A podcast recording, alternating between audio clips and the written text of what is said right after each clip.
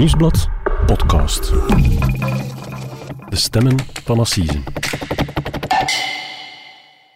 Hallo, ik ben Pieter Huibrechts, misdaadjournalist bij het Nieuwsblad. En ik ben Cedric Lagast, journalist bij diezelfde krant. En dit is onze podcast Stemmen van Assise, waarbij we voor elk belangrijk proces in een zaak duiken. En vandaag hebben we het over de moord op een jonge Vietnamese vrouw, die ver weg van huis dood werd teruggevonden, in de velden van het West-Vlaamse Geluwe. Hoe kwam ze daar terecht? En waarom moest ze sterven?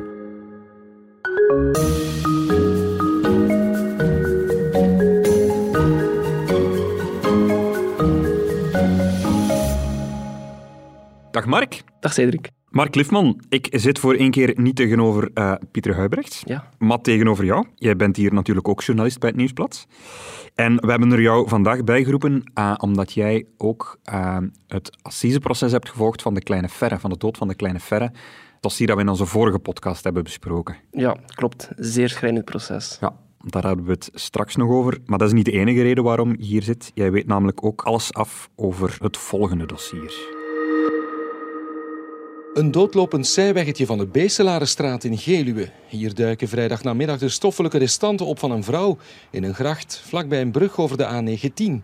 Het lichaam is half verkoold en in vergaande staat van ontbinding. Het waren vier politiewagens en anonieme wagens. En ja, zonder stelvacht. Hè. Het was afgezet, hè. Uh, mocht niet dichter gaan, hè. We hoorden hier een fragment van Focus WTV. Um, die journalist staat eigenlijk op de plek waar heel het onderzoek begonnen is. Hè. En, uh, op 30 december 2016 een gracht midden in de velden van het landelijke West-Vlaamse Geluwe. Worden op het einde ook nog een buurtbewoner. Maar eigenlijk, ja, daar woont bijna niemand. Dat is, het is een zeer landelijk gebied, midden de velden. Je staat daar letterlijk in the middle of nowhere eigenlijk.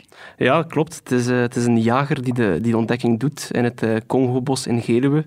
Uh, de speuders noemen het dossier jachtfonds. Meer is er afhankelijk niet, niet te weten eigenlijk. Gevonden. dus ja, die, die, die jager loopt daar rond, maar plots wordt zijn aandacht getrokken door iets in de gracht naast de bomen. En hij ziet onder wat bladeren een, een dier liggen, of een kadaver.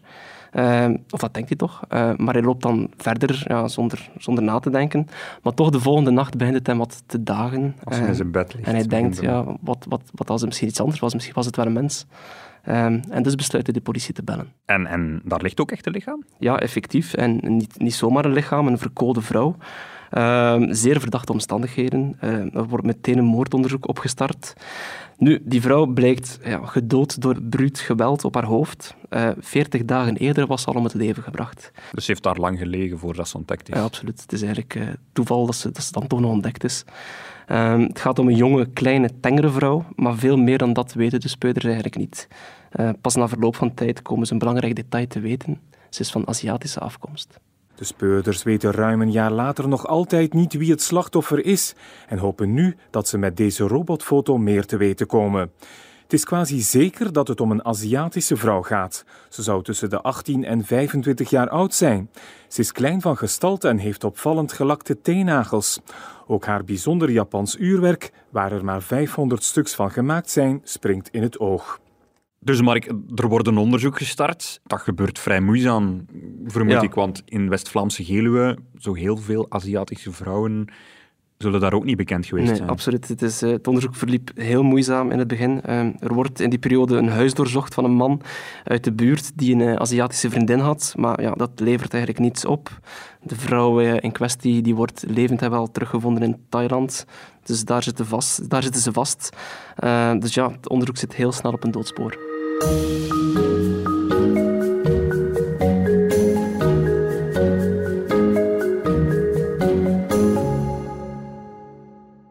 Dus Mark, een complex dossier voor die West-Vlaamse onderzoekers. Ze zitten met het vermoorde lichaam van een onbekende vrouw. Waarom die vrouw moest sterven, daar hebben ze geen idee van. Maar na twee jaar komt er dan toch een kleine doorbraak. Er valt een heel klein puzzelstukje naar beneden. Ja, klopt. En eh, dat puzzelstukje komt van de andere kant van de wereld. Uit een eh, klein dorpje, Bac Ninh in Vietnam. Eh, daar woont een, ja, een arme familie reisboeren die al twee jaar lang geen nieuws hebben gekregen van hun 26-jarige dochter, Niue Chichwa. Zo moet je het uitspreken. Ja, zo spreek ik het uit. Eh, ja, die jonge vrouw is naar Japan vertrokken om te studeren, maar ze is eigenlijk nooit teruggekeerd. En ze maken zich zorgen over hem. Ja, natuurlijk. Dus van vriendinnen eh, van hun dochter hebben die mensen uiteindelijk eh, gehoord dat ze een Belg had leren kennen in Japan. Aha. Ehm, en dat ze die persoon is achterna gereisd. En zo leggen ze dan de link met België. Zo leggen ze de link met België. Ja, nu, die mensen, die ouders, hebben hemel en aarde verzet eh, om te weten, ja, waar is onze dochter naartoe? En, en wie is die persoon? Eh, ze hebben bijvoorbeeld de Belgische ambassade in Vietnam gecontacteerd. Ze hebben de, de Vietnamese ambassade in Brussel gecontacteerd. En daar gaat uiteindelijk een, een belletje rinkelen. Want in 2017, een jaar eerder, eh, zijn de West-Vlaamse speuders bij alle ambassades van Aziatische landen in Brussel gaan aankloppen. Eh, ze hadden toen een robotfoto van de vermoorde vrouw in de hand.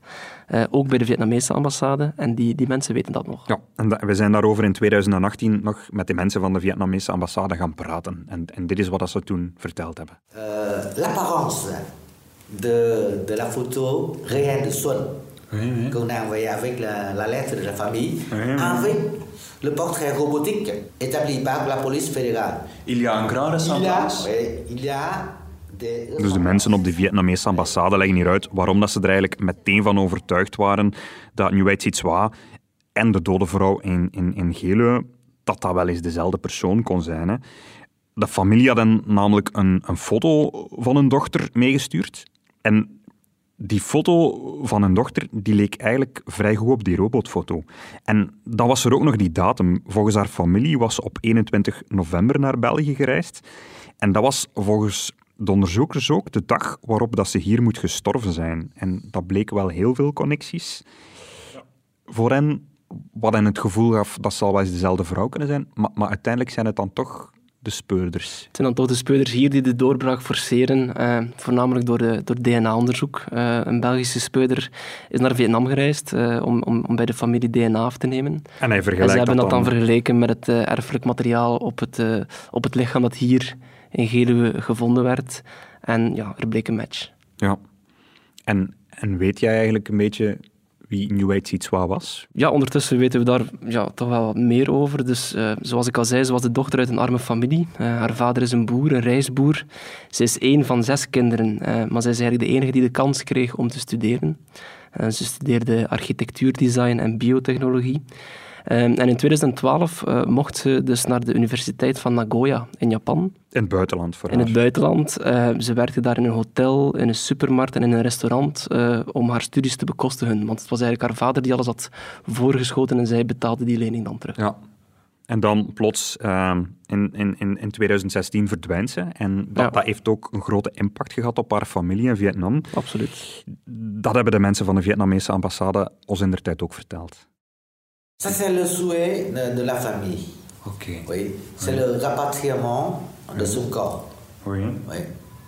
Pour l'enterrer dans, dans le village. Pour l'enterrer dans, au, au village natal. Het was de grote wens van haar familie eigenlijk dat de vrouw in haar dorp thuis begraven zou worden. Is dat ondertussen gebeurd? Nee, nog, eh, nog altijd niet. En ja, dat is voor die mensen een zeer grote teleurstelling, horen we van hun advocaten.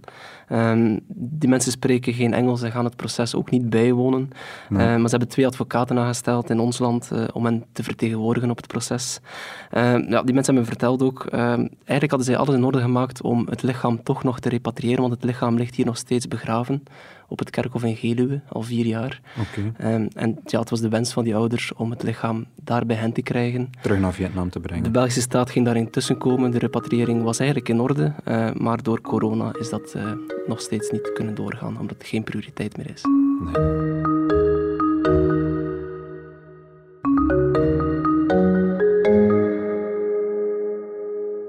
Dus Mark, na twee jaar kon de Belgische federale politie eindelijk een naam kleven op, op, op, die, op die vermoorde vrouw die ze, die ze in 2016 in Geluwe dood hadden teruggevonden.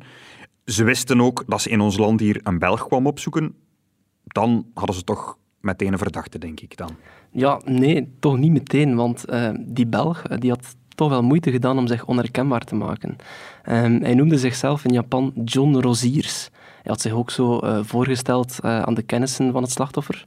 Maar in ons land bleek er eigenlijk niemand te wonen met die naam. Het was een valse naam. Het was een valse naam. Hij had ook een vals adres opgegeven eh, voor haar visum. Dat bleek ook niet te kloppen. Maar natuurlijk, ja, het gsm-nummer waarmee hij berichten stuurde naar Japan was wel echt. Een Belgisch gsm-nummer. Belgisch gsm-nummer. En dat leidde uiteindelijk naar een eh, 31-jarige man uit Zonnebeke, John van Doolagen. En wie is dat? Dat was een toen 29-jarige elektricien, een, eh, een beer van een kerel, twee meter groot. Ehm, hij werkte bij een bedrijf eh, in Menen dat machines produceerde. En voor dat bedrijf moest hij regelmatig eh, naar het buitenland. Eh, tussen, tussen februari en mei 2016 is hij, is hij ook verschillende keer naar Japan geweest. En toen heeft hij het slachtoffer leren kennen. Heeft hij eigenlijk leren kennen toen hij daar in Japan alleen zat. En toen hij daar voor zijn werk zat en s'avonds uh, Ja, inderdaad. een stapje buiten zette. Maar hij, had, hij heeft aan de, aan de speurders verklaard dat hij haar leerde kennen via een datingsite. Ehm, hij houdt vol tot op vandaag dat ze een, ja, een platonische relatie hadden. Eh, ze hadden nooit seks gehad, zegt hij. Maar uit zijn sms-verkeer eh, blijkt dat ze dus ja, van de andere kant van de wereld met elkaar flirten en seksuele berichten sturen. En nu, op het einde verandert de, de toon een beetje. Dan noemt hij haar plots stupid bitch, een stomme trut in het sms'en. Oei. En, en waarom heeft hij haar eigenlijk vermoord? Wel, hij, hij bekent al bij zijn eerste ondervraging dat hij de moordenaar is. Eh, enkele weken voor de moord was hij papa geworden van een zoontje. Oké. Ehm, maar bij zijn, ja, dus bij zijn aanhouding vertelde, vertelde hij aan de onderzoeksrechter dat hij de moord gepland had om zijn familie te beschermen. Ehm, het was eigenlijk zo dat eh, het slachtoffer zou zijn Facebookpagina onder zijn echte naam ontdekt hebben. Oei. En ja, toen ook gezien hebben dat hij geen vrijgezel meer was. Dat maar hij eigenlijk gelogen had tegen dat haar. hij een vriendin thuis had en dat hij een kindje had. En eh, het gevaar werd te groot dat, eh, dat, ja, dat, dat zij zijn overspel eh, aan zijn echte vrouw zou verklappen. En, en hij was bang dat hij zijn zoontje zou verliezen. Ja. Ik dacht eigenlijk, oei, het gaat hier allemaal uitkomen. Dat dan toch wel een heel drastische Heel manier drastisch, om, om, om, om je overspel toe te dekken. Ja, klopt. En hoe, hoe is dat dan precies in zijn werk gegaan? Wel, eh, hij heeft daar dus uiteindelijk... eh, ja, ze is naar hier gekomen. Ze is met het vliegtuig gekomen van Japan eh, naar Amsterdam. Daar heeft ze de trein naar Kortrijk genomen. Ehm, hij heeft haar daar opgehaald. Eh, maar uit het onderzoek blijkt dat na, na een goede 20 minuten moet ze toen al vermoord geweest zijn. Dus ze heeft eigenlijk 20 minuten op Belgische bodem en ze was, ze was overleden. Ja, ze is amper in ons land aangekomen en ze werd vermoord. En waarom? Wat is. Ja, dus eh, opvallend is dat, is dat John van Dolagen in zijn latere verklaringen zegt hij van ja, kijk, ze was boos geworden omdat, eh, omdat, omdat hij te laat was. Ehm, ze was ook boos geworden omdat hij dus ja, thuis een vrouw en een kind had. Eh, hij heeft haar dan geslagen, zegt hij in de auto. Zij sloeg terug.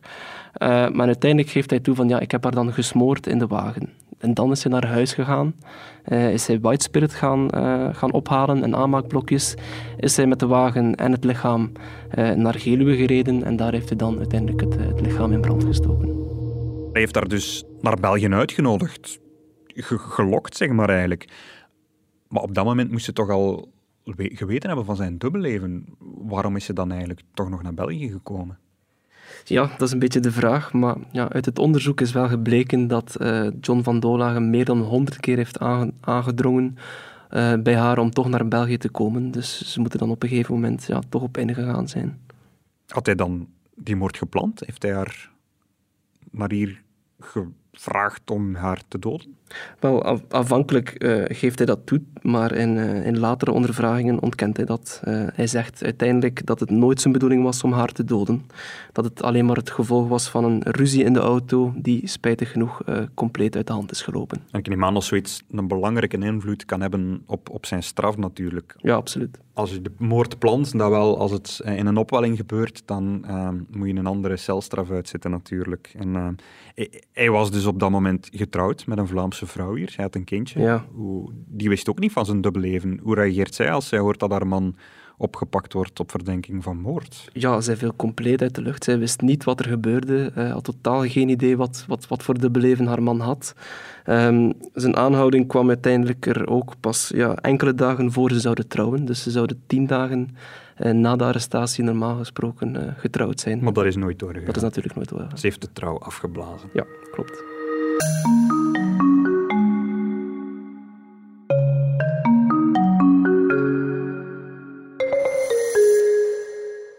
Mark, om samen te vatten, dus John van Dolagen, hij bekent dat hij haar gedood heeft, maar hij ontkent dat het een geplande moord was. Wie is zijn advocaat die hem moet helpen om dat verhaal verkocht te krijgen? Zijn advocaat is Hans Beerland, eh, misschien minder bekend, maar een Kortrijkse strafpleiter. Hij was, eh, in 2019 heeft hij twee assisezaken gepleit, onder meer van Kenneth Samai, Die kreeg 25 jaar cel voor de dood van een tweejarige peuter.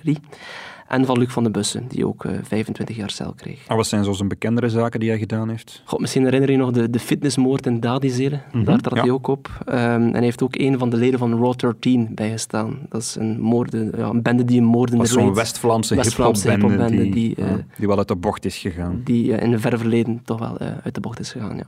Oké, okay. en we, we, hadden het al gehoord. De Vietnamese familie die heeft hier ook twee advocaten aangesteld. Wie zijn dat? Dat zijn Christine Onraad en Magali Verfaye. Oké. Okay.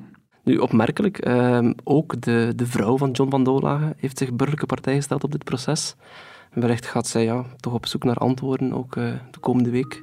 Uh, haar advocaten zijn Benedict van der Perre en Koen Stubbe. En wie is de openbaar aanklager in deze zaak? Dat is ook opmerkelijk. Dat is de Ieperse afdelingsprocureur Johan Leskrawaat. Het is zijn allereerste assiseproces. En de voorzitter op dit proces is rechter Anton Boyen.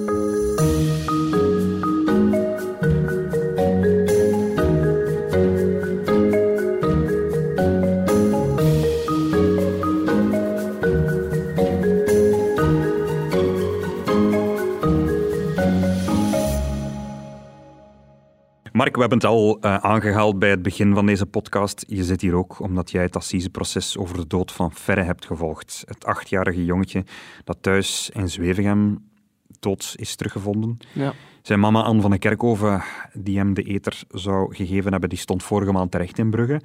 Wat is jou van dat proces bijgebleven? Goh, toch vooral het contrast uh, in die woning. Uh, langs de buitenkant, proper voortuintje, niets op aan te merken maar binnen een, een onwaarschijnlijke puinhoop. Echt een vuilnisbelt, belt, letterlijk.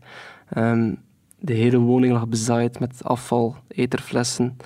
Um, de foto's die de politie daar liet zien, ja, liet eigenlijk niemand onberoerd. Uh, zelfs de jury begon te huilen op dat moment. En is het nu duidelijk geworden hoe ver hij is gestorven? Want dat was bij de start van het proces niet helemaal duidelijk. Hè?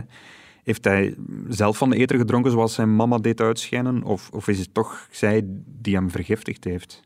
Wel ja, de jury is na, na een week tot de conclusie gekomen dat het dus niet om een ongeval kan gaan. Uh, hij, dat zij het gedaan heeft. Dat, ja, dus de, de, de, moeder is schuldig bevonden aan, aan gifmoord. Uh, met andere woorden, ze heeft het opzettelijk, heeft ze de, de, de eter toegediend. Uh, maar goed, tot op vandaag is het niet helemaal opgehelderd hoe dat dan precies is verlopen, eigenlijk, die bewuste dag. Hoe dat hij dan eigenlijk nee. die eter heeft toegediend gekregen. Ja.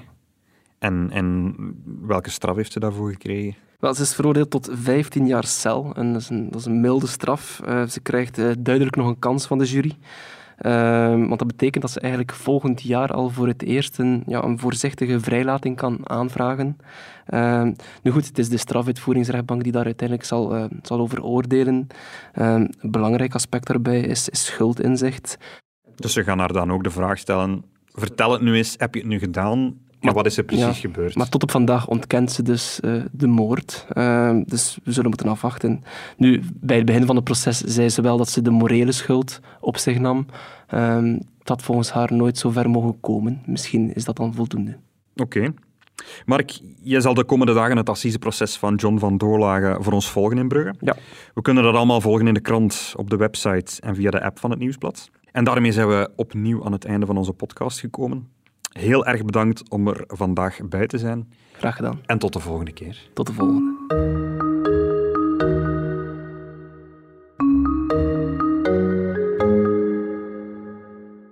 Dit was Stemmen van Assisen, een podcast van het Nieuwsblad. Onze gast vandaag was Mark Cliffman. De presentatie was in handen van mezelf, Cedric Lagast. Onze speciale dank gaat uit naar Focus WTV voor het gebruik van hun audiofragmenten. De audioproductie gebeurde door Xavier de Klerk van House of Media. De productie was in goede handen van Eva Michom en Bert Heijvaart.